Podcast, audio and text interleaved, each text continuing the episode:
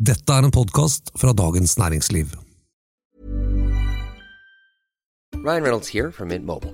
Med prisen på nesten alt som går opp under inflasjonen, trodde vi at vi skulle bringe prisene prices down. So to help us, we brought in a reverse auctioneer, which is apparently a thing. Mint Mobile unlimited premium wireless. Ready to get 30, 30, bit to get 30, bit to get 20, 20, 20, bit to get 20, 20, bit to get 15, 15, 15, 15 just 15 bucks a month. So, Give it a try at mintmobile.com slash switch. $45 upfront for three months plus taxes and fees. Promo rate for new customers for limited time. Unlimited more than 40 gigabytes per month. Slows. Full terms at mintmobile.com.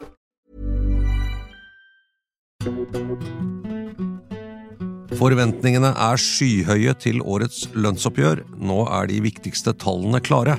Får vi bedre råd i år? Og i tilfelle det, hvem kan glede seg mest?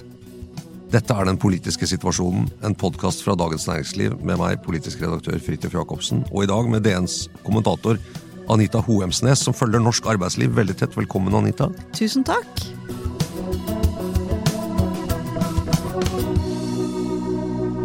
Og de som hører podkaster fra DN, vil jo ganske kjenne deg fra vår eh, hva skal man si, søsterpodkast Finansredaksjonen. Ja, det kan vi si. Du, Før helgen så kom tallene fra det som kalles Teknisk beregningsutvalg. Og bare først, Hva slags, hva slags utvalg er dette, egentlig? Du, dette er et utvalg bestående av 14 personer fra det organiserte arbeidsliv, og selvfølgelig også departementene, Arbeids- og inkluderingsdepartementet. Og de kan jo være liksom beskrives som et slags sånn ryddekorps, vil jeg si. Som går inn i det rommet der eh, nå Fellesforbundet og Norsk Industri skal sitte 15. mars. Rydder unna, kliner alt, sånn at de slipper å krangle om eh, for eksempel hvor stor prisvekst tror man det blir i år, og hva var egentlig årslønnsveksten i fjor. Det er to viktige tall som legger grunnlaget for årets lønnsoppgjør. Og tallene kom før helgen, og hva sa de? Da fortalte de det at eh, de tror, Geir Akselsen som leder utvalget, med masse sånn usikkerhet og kanskje muligens hvis og måtte dersom at inflasjonen blir 4,1% i år. Eh, Det er veldig godt nytt, fordi eh, både Norges Bank og SSB tror på en lønnsvekst på over 5 Så hvis prisveksten blir 4,1 og lønnsveksten 5, så snakker vi om at vi får litt økt kjøpekraft i år, faktisk. For første gang på føles veldig lenge.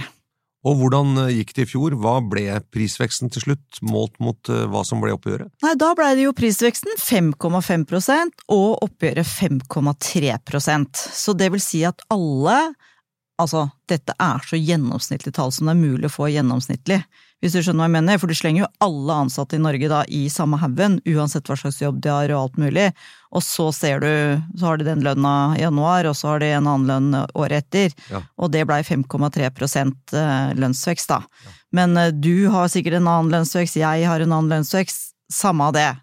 I snitt så fikk vi i hvert fall ikke økt kjøpekraft. Det vil si at lønnsveksten, eller prisveksten, unnskyld, prisveksten spiste opp det vi fikk i Ja, lønnsoppgjøret i fjor. ting ble 5,5% dyrere i snitt, og så Ja. lønna la bare på seg med 5,3 i Ja. snitt, og dermed så har vi Mm. litt mindre å rutte med. Men Selv om vi har mer tall på kontoen. Ja, ikke sant, men han eh, Akselsen sa, det har jeg ikke hørt han sagt før egentlig, men da sa han det at eh, de hadde beregna liksom eh, kjøpekraften for ulike grupper, da. Eh, Fordi de hadde tatt hensyn til sånn eh, barnehagepriser som hadde gått ned, litt skatteendringer og så og da var noen fikk eh, svekket kjøpekraft med 1,5% mens andre fikk kjøpekraft, økt kjøpekraft med 0,5 eller sånt noe. Så det er, viser jo liksom at det er bredden. Men dette, det blåser jo de som sitter i det forhandlingsrommet om. De skal ha de to tallene. 5,3% i fjor, 4,1% prisvekst i år. Det er det de skal begynne med når de sitter og forhandler. Ta igjen litt av det man ikke fikk økt kjøpekraft eller reallønnsvekst, som det så kalles da, i fjor, og, og utmålt mot liksom en sånn og sånn. Ja, skjønner. Mm. Litt overraskende eh, det eh, med at de legger til grunn en prisvekst på bare 4,1% eller? Ja, det kan du si, eh, fordi at Men jeg tror de er veldig usikre, altså. Fordi SSB, Norges Bank, tror på sånn 4,4-4,5% Regjeringen i statsbudsjettet har jo, er jo veldig optimistisk. De tror jo bare på 3,8% prisvekst i år. Så, så 4,1 er liksom sånn i midten. Mm. Men de kommer med en ny rapport 12. mars, eh, hvor de da oppdaterer inflasjonsanslaget sitt. Ikke sant, tre dager før eh, liksom, lønnsoppgjøret skytes i gang. så, så får de de nye tallene. Det er kjernetallet, på en måte. Det er kjernetallet, og de har bomma. Bomma og bomma og bomma på det de siste årene. Ikke så rart, altså. Det har de aller, sånn som Akselsen sa, det har de andre gjort også.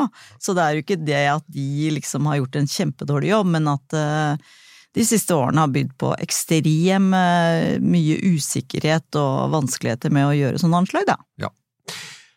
Ok, eh, nå har vi altså på en måte premissene som begge parter er enige om, vi forholder oss til dette. Vi får en liten oppdatering på, på hva de tror hvor mye prisene kommer til å øke 12. mars, eh, men i størrelsesorden 4,1 da, eh, pluss-minus 0,3 eller noe sånt, eh, kanskje. Og, og så har vi jo da fra før også litt forventninger på begge sider her. For å begynne med LO, da.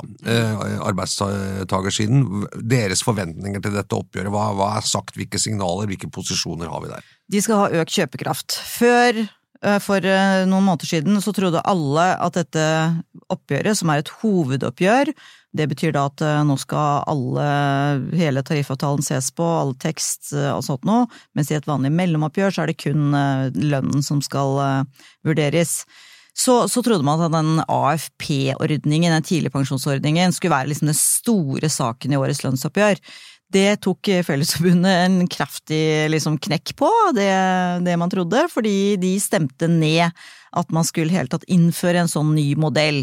Og Fellesforbundet er sterkt, og LO klarer ikke å stå imot det, og det ble ikke noe enighet. Så de, de, kan ikke, de, kan ikke, bringe en sak til forhandlingsbordet som det ikke er liksom gjort en skikkelig grundig jobb med på forhånd, så man vet hva man faktisk forhandler om. Så det ble tatt av bordet, så nå kjører Og folk har kjempeforventninger med at nå må vi få økt kjøpekraft. For én ting er jo det at lønna har blitt spist opp av eh, prisveksten, men den har da jammen meg blitt spist opp av renteøkningen også. Mm. Til de grader, ikke sant. Så, så, så nå vil folk ha mer penger i lommeboka.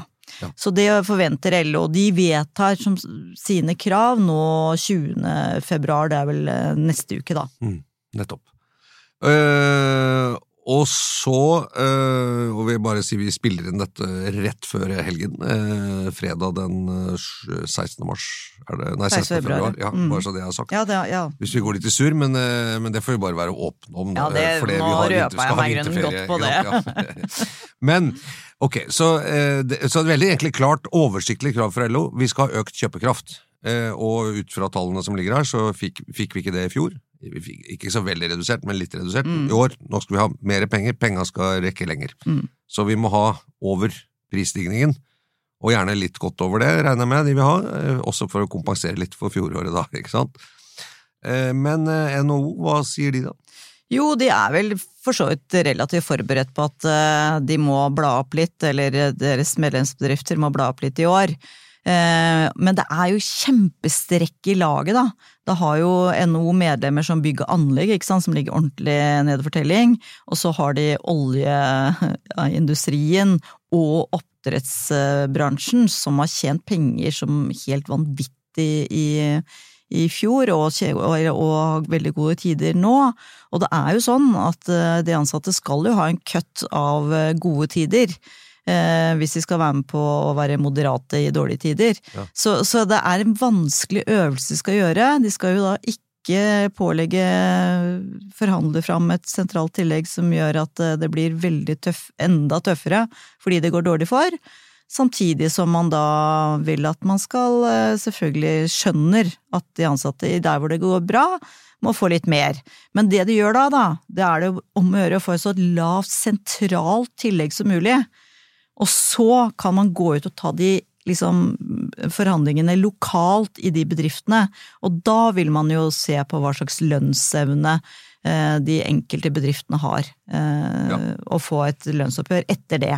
Så la oss si hvis vi ender med et sentralt oppgjør på 5% så får alle liksom, i dette området, LO og NHO, 5 lønnsøkning. Eller rammen er det. Mm. De kan, man kan jo velge å si at man gir mer til de med lite lønn og litt mindre til de med høy lønn, men, mm. men rammen er det. Mm. Også hvis du jobber i en bedrift hvor eh, det virkelig går unna, eh, som du sier i leverandørindustrien, finansbransjen, andre steder, så kan man lokalt si at eh, men vi skal ha en del på toppen av det, mm. for vi skal ha vår del av verdiskapningen i denne bedriften eller sant, dette området. Ja, skjønner. Men en viktig grunn til at det går bra i år, er jo kronekursen. Ikke sant? Fordi at man har en svekket kronekurs, og det gjør at de som eksporterer, da, som er frontfaget, som vi kaller det, mm. de tjener godt med penger. Men det er liksom Og da er det vel sånn at kronekursen har jo svekket seg med rundt 20 Hva hvis den nå styrkes med 20 da neste år? Så har det jo på en måte gitt et godt lønnsoppgjør i år, eh, med bakgrunn av et eh, tall som har endra seg da neste år igjen. Men det er jo ikke sånn at folk går ned i lønn igjen neste år, selv om krona styrker seg. Nei. Men over tid så vil vel dette være sånn noenlunde balansert. Et argument for sånn bonusordninger, kanskje, hvor du liksom får cash når det går bra, men det er ikke sånn at du får en evig liksom, lønnsøkning, ikke sant? Nei. Det er jo det som, eh, som helt sikkert veldig mange arbeidsgivere ønsker seg. Bonusordninger. Og som da ansatte helst vil eh, De vil jo helst ha lange penger, som eh, man kaller det. Som eh, legger seg på lønna over mer enn et år. Ok, eh, som vi har vært innom her nå, og har vært nevnt noen ganger, det er et eh, frontfagsoppgjør, altså at eh, bedriftene som jobber i eh, industrien, og det er altså Fellesforbundet, som det heter, industriansatte, forhandler med sin motpart, Norsk Industri, en organisasjon vi har hørt litt om, men ofte da i forbindelse med reinjakt på Hardangervidda i det siste, og, og tidligere sjef Stein Lier Hansen. Vi skal komme tilbake til det, men altså organiserer på arbeidsgiversiden industribedriftene. Aker, ikke sant? Hvem flere? Ja, eh, Umo, Alle eksportbedriftene, Kverner, ja, på en måte. Ja, mm? Mhm. Sånne ting. Som eksporterer fra fastlandet. Mm. Ja, og leverandørindustrien. Ja. Eh, og de skal eh, sette seg sammen, eh, eh, men det tallet de kommer fram til for lønnsoppgjøret for denne delen, det er jo førende for lønnsoppgjøret for alle andre. Ja. Ofte sånn, frontfaget, ikke sant, disse to, industrien forhandler, blir det 5 der, ja, da kan lærere, offentlig ansatte, renholdsarbeidere, alle andre som ikke jobber i industrien, regne med 5 Det er der det ligger omtrent, ikke sant? Ja, det er veldig førende. Og for det er jo faktisk sånn at eh, vi har vel rundt eh, rundt 2,5 million eh, i arbeidsstyrken i Norge. Og så er det vel rundt 1 million som ikke er omfatta, som ikke er organisert. Som ikke jobber i sted hvor det er eh, frontfag som, eh, og liksom er med i dette tariffoppgjøret videre. Men det er sånn at frontfaget, som du sier, blir ofte en slags sånn førende for andre også, som ikke er organiserte. Og så er det jo, eh, blir det også veldig førende for offentlig sektor, for det, det som er bra med frontfagsmodellen, det er jo at i motsetning til veldig mange andre land, så får jo de offentlig ansatte en glede, kan man si, av å ta del i den gode, eh, gode Når det er gode tider for vår eksportindustri. Du kan jo tenke deg sånn som i England, for eksempel, hvor det ikke er noe sånn samordna oppgjør à la frontfagsmodellen. Så må jo, nå er det jo helt kollaps i, helsevesenet i Storbritannia, og der, de gå, der går jo de rett til regjeringen og sier at nå må vi ha høyere lønn. Ikke sant, det er streiker og masse greier.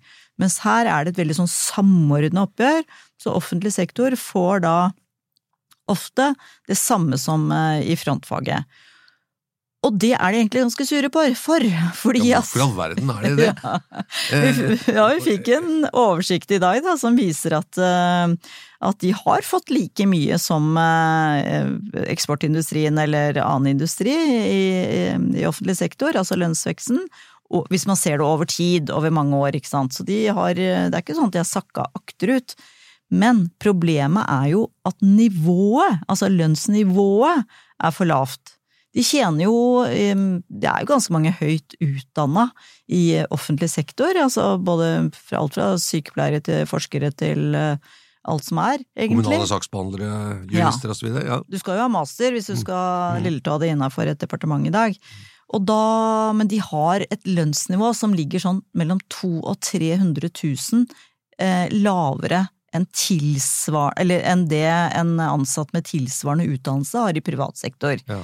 Så sant, problemet er nivået. Så det at du får det samme lønnsveksten år for år, både i privat og offentlig sektor, eh, gjør jo ikke at du spiser opp, eller at du spiser deg innpå den lønna som de har i privat sektor. Nei, 5 av, av, av 800 000 er mye mer enn 5 av eh, for eksempel 500 000, Ja. ikke sant? Ja. Og så er det jo sånn at vi mangler jo folk i offentlig sektor, i hvert fall eh, lærere og sykepleiere, at det, og veldig mange sliter med å rekruttere høyt utdanna ansatte inn. Ikke sant? De forsvinner, særlig sånn konsulenter. Kan tenke deg et eller annet direktorat, hyrer inn konsulenter fra PwC eller hva som helst, da.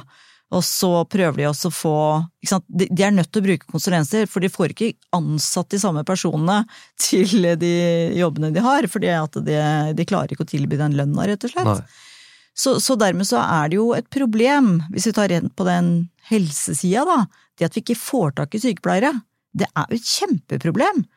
Og da må man jo kanskje gjøre en sånn eh, sentral greie på at vi må tilby høyere lønn til en gruppe vi har veldig behov for. Fordi eh, arbeidskraft i Norge, i hvert fall norsk arbeidskraft, da, er jo en begrensa ressurs. Så det er det konkurranse om, selvfølgelig. Og særlig da de beste. eh, og eh, frontfaget er jo kanskje Er ikke det lagd egentlig for å sørge for at ikke det blir for attraktivt å jobbe i offentlig sektor? At, at, industri, altså at privat sektor i industrien skal liksom ha god tilgang på arbeidskraft, sånn at ikke de kan bli utkonkurrert av offentlige arbeidsplasser, egentlig? Ja. Ja, eller utkonkurrert av skjerma sektor, ikke sant. For vi er så avhengig da av denne eksportretta industrien vår. Vi er et lite, et lite land med sårbar og åpen økonomi. Vi trenger å få, få på en måte tjene penger på de industriene som, er, som klarer å gjøre det. Ja. Så, så, så det Og så er det konkurranse med utlandet, selvfølgelig. At ikke det er mye dyrere å ha folk ansatt i Norge enn i hvert fall Danmark og Sverige, for eksempel. Da. Eh, Asia kan jo ikke konkurrere med uansett, men, men ja. Men eh, man kan jo forstå da eh, at sykepleiere eller lærere for eksempel sier ja, vi mangler lærere, vi mangler sykepleiere, det er høyt utdannede mennesker, eh, hvis du vil ha flere, så må du gi oss høyere lønn. Og da kan det ikke være sånn at hensynet til fastlandsindustrien er helt styrende for hvor mange sykepleiere vi klarer å, og lærere vi klarer å få tak i. Staten er jo søkkrik, eh, enn så lenge i hvert fall, så hvorfor ikke bare øke lønna og, og tette gapet, sånn at det i hvert fall blir like lønnsomt å være sykepleier, for eksempel, som å jobbe skift på, på en fabrikk, da. Det er jo går an å forstå det. Jeg forstår kjempegodt eh, argumentasjonen, og nå var det jo et såkalt frontfagsutvalg, nok et utvalg ledet av Steinar Holden, som evaluerte frontfagsmodellen, ikke sant. Og da var det jo eh, en del, eh, altså Unio og de andre organisasjonene fra offentlig sektor var jo med, og argumenterte veldig hardt da for at eh, frontfagsmodellen må bli mer fleksibel, sånn at vi klarer å ta sånne ekstra løft i noen sektorer for å få inn de folka vi trenger. Ja. Men det, de klarer ikke å få noe, liksom, fikk ikke noe der, altså. Nei. Fikk lite grann, lite grann, ja da, hvis det, hvis det, hvis liksom det er helt kul umulig å gjøre noe annet, så får vi kanskje vurdere muligens om det er, eh, kan heve, at man kan bruke frontfagsmodellen mer fleksibelt. Men så trekker de fram historikken. Frontfagsmodellen har funka som bare det i mange tiår. Ikke tull med det, Nei. holdt jeg på å si, før vi liksom har en god, eh, et godt alternativ. Så jeg tenker at egentlig så håper Og så sparker de litt ballen til, til politikere. Altså, eller til regjeringen av fiks eh, andre, liksom fiks bedre turnuser, fiks bedre kompetanse, åpne flere studieplasser, altså gjør andre ting for å få tilfredsstilt den etterspørselen etter sykepleiere, enn at vi skal bruke frontfagsmodellen til å øke lønna Det er deres. lønnsløft, ja. Og så er det jo interessant, altså, som du nevnte jo Unio kanskje, og andre som organiserer eksempel lærere eller andre store yrkesgrupper i offentlig sektor, men, men veldig mange ansatte i offentlig sektor er jo også i LO-systemet gjennom Fagforbundet, som det heter. Man må skille Fellesforbundet og Fagforbundet. eh, og internt i LO, eh, som jo er jo de som forvalter denne frontfagsmodellen, er det noe skisma der, da, eller, eller slutter de offentlig ansatte i LO opp om frontfagsmodellen og sier vi, det er greit for oss å få det samme som industrien? Ja, det har jeg stussa litt på, for de har, Fagforbundet er jo størst, egentlig. Altså, det er et kjempestort forbund, eh, som eh, i flere år har vært, og er, lojale til frontfagsmodellen. Til tross for at de, som du sier, de ansattes, eller medlemmene de har an, i offentlig sektor, ikke da, eller fortsatt har ganske lave lønninger. Men så skjedde det et lite skifte i fjor, for i fjor så tror jeg det bare blei sånn at vi kan ikke, altså vi må bare løfte de lavtlønte skikkelig. For nå har det vært flere år med høy prisvekst, og de tjener lite. Så da gikk faktisk eh, industriarbeiderne, eh, godt betalte industriarbeidere i Fellesforbundet, til streik mm, for å få løfta de lavest lønte i LO-systemet. Og det ble et veldig godt sånn lavtlønnsoppgjør i fjor. Så, så Men det som, det som er veldig sånn Det som også er en konflikt, er jo mellom LO og Unio. Nettopp fordi at, eh, sånn som Unio sier, at de lavtlønte i offentlig sektor, de har ganske greie lønninger. Det er de høytlønte i offentlig sektor som ikke klarer å få opp lønna si gjennom frontfagsmodellen. Um, og LO har som regel alltid et eh, ønske om omfordeling i lønnsoppgjøret, altså at de lavtlønte skal løftes mer, da. Ja, Så ja. Eh, I fjor eh, var det jo et mellomoppgjør som sier, skulle handle om penger. Da ble det streik. Mm. noe av dette handlet jo om profilen, eh, og så vidt jeg husker at det skulle være større sentralt oppgjør som skulle fordeles med en lavtlønnsprofil. Og så fikk man helt alle lokale på toppen, slik at alle skulle få litt mer. Eh, sett i ettertid, hvis, hvis som du sier at eh, prisveksten var 5,5 og oppgjøret var 5,3, eh, så kan vel man si at den streiken var legitim, ettersom eh, Ja, den eh, tror jeg ville bli ansett eh, altså For det første var den ikke historisk, for LO hadde ikke gått til noe streik i et mellomoppgjør før. Og så, altså det, den var vellykka, for å si det sånn. For det var en sånn, eh, en sånn veldig sånn felles forståelse at folk nå sliter folk, altså. Nå må vi bare liksom hjelpe til å få folk opp og så at de har liksom Så ikke alt går helt u... Altså, mange følte ansvar, tror jeg. Både på NHO og alle på at eh, nå må vi løfte de folka som ligger nederst. Og på tross av streiken så, så oppnådde man likevel ikke på en måte sånn gjennomsnittlig kjøpekraftsøkning. Nei, man alle, gjorde jo ikke det. Nettopp, ja. Så det er klart at eh, ved inngangen i, i år, så er det i hvert fall ikke noe tvil om at i år skal det en god kjøpekraftsforbedring til, ja. Det skjønner vel kanskje NHO òg, selv om ikke de vil si det nå. Nei. ja. De var litt heldige, altså det de også var veldig uheldige med i fjor, eller uheldige, det TBU, når den rapporten kom i fjor, så viste jo den kraftig vekst i bonuser, særlig innen oljeindustri. Altså det var til og med sånn der fotnote med at eh, ansatte i oljeindustrien hadde gjennomsnitt én million kroner i bonus. Og det skapte enormt sinne, og veldig lett å spille på selvfølgelig for LO og den gjengen der. Og NHO gikk jo så langt som til å be om litt moderasjon hos sine medlemmer, det har vel aldri skjedd før. Eh, I år er jo ikke tallene der, nå, nå er det ja, det har dempa seg den bonusjaget, for å si det sånn. Så ja. Ok, eh, vi snakker jo om at den norske lønnsdannelsen og hele organiseringen av liksom lønn og arbeid sånn er et trepartssamarbeid, og LO og NHO er jo de to eh, hovedpartene her, og motpartene, men så har man altså staten eh, som den tredje beinet på en måte i dette. Hva slags rolle er det liksom, politikk og stat og regjering kan ha i dette oppgjøret? Du, du nevnte jo hvis det hadde vært en AFP-type lønnsoppgjør, så ville jo staten åpenbart vært viktig. Hvor mye skal det av det skal dekkes av offentlig sektor osv. Men, men i dette oppgjøret vi går mot nå, kan det være noe i, i, på statsdelen i dette trepartssamarbeidet? Eh, nei, jeg tror at eh, liksom Altså, de vil jo da, når de setter seg ned i statsoppgjøret, mm. så vil de jo nødvendigvis legge frontfaget til grunn. Og så vil jo helt sikkert også den samme diskusjonen om at når vi mangler eh, sykepleiere og lærere videre, vi må løfte disse, komme der igjen.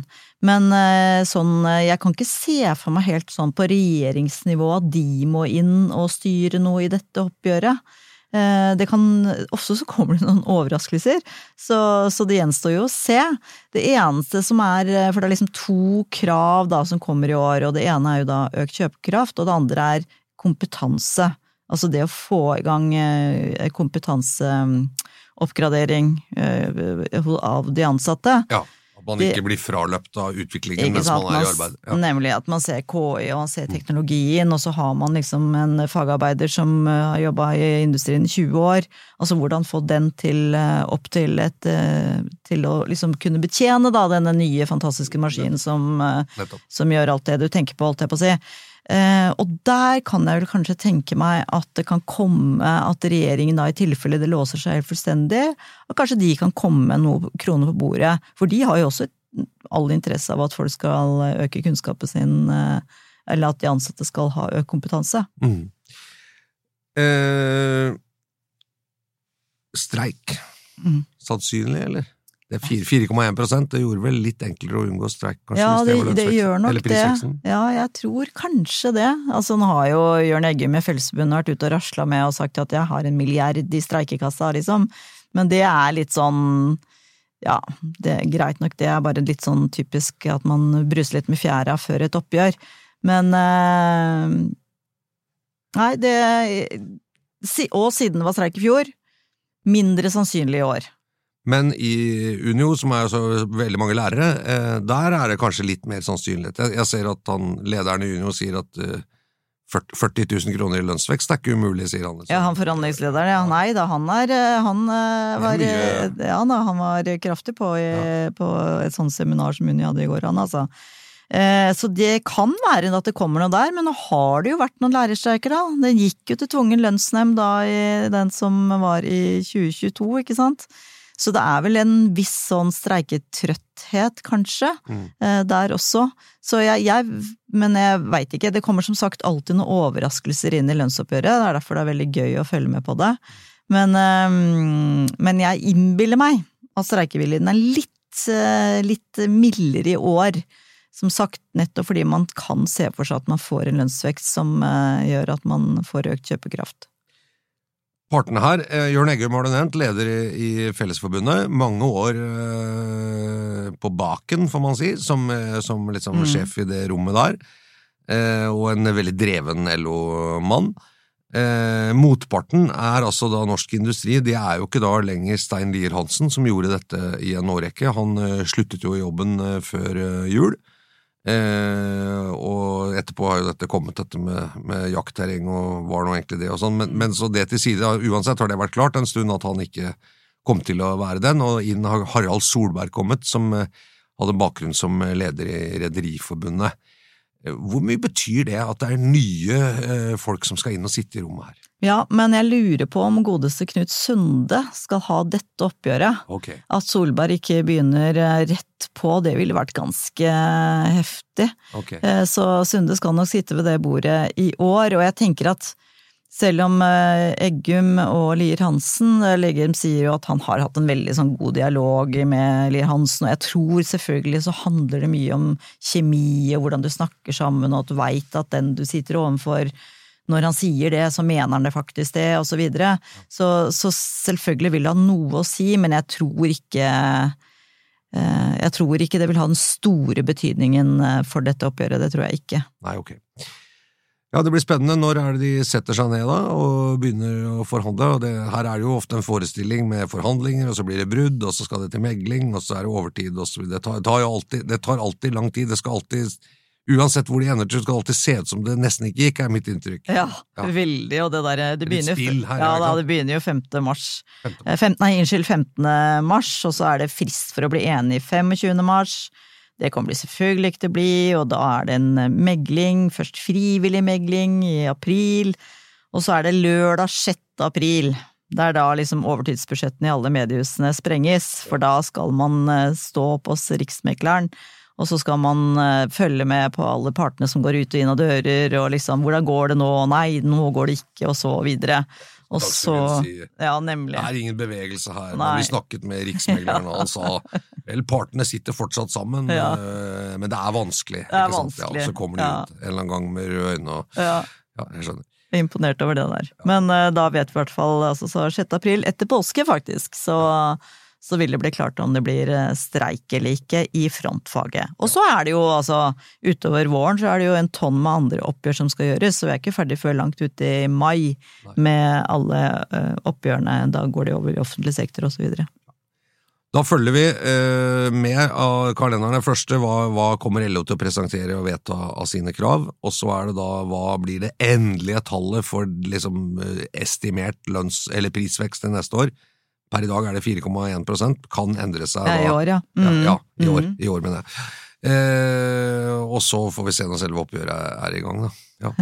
Tusen takk, Anita Hoemsnes, for at du var med å opplyse meg og de andre om det som venter oss. Bare hyggelig. Alltid spennende dette her. Altså. Ja, jeg synes det er spennende. Det blir spennende jo mer man kan om det, føler jeg. Ja. Dette har vært Den politiske situasjonen, en podkast fra Dagens eh, Næringsliv med meg, politisk redaktør Fridtjof Jacobsen. Produsenten vår heter Gunnar Bløndal, og du kan høre oss eh, hver uke. Ha det bra.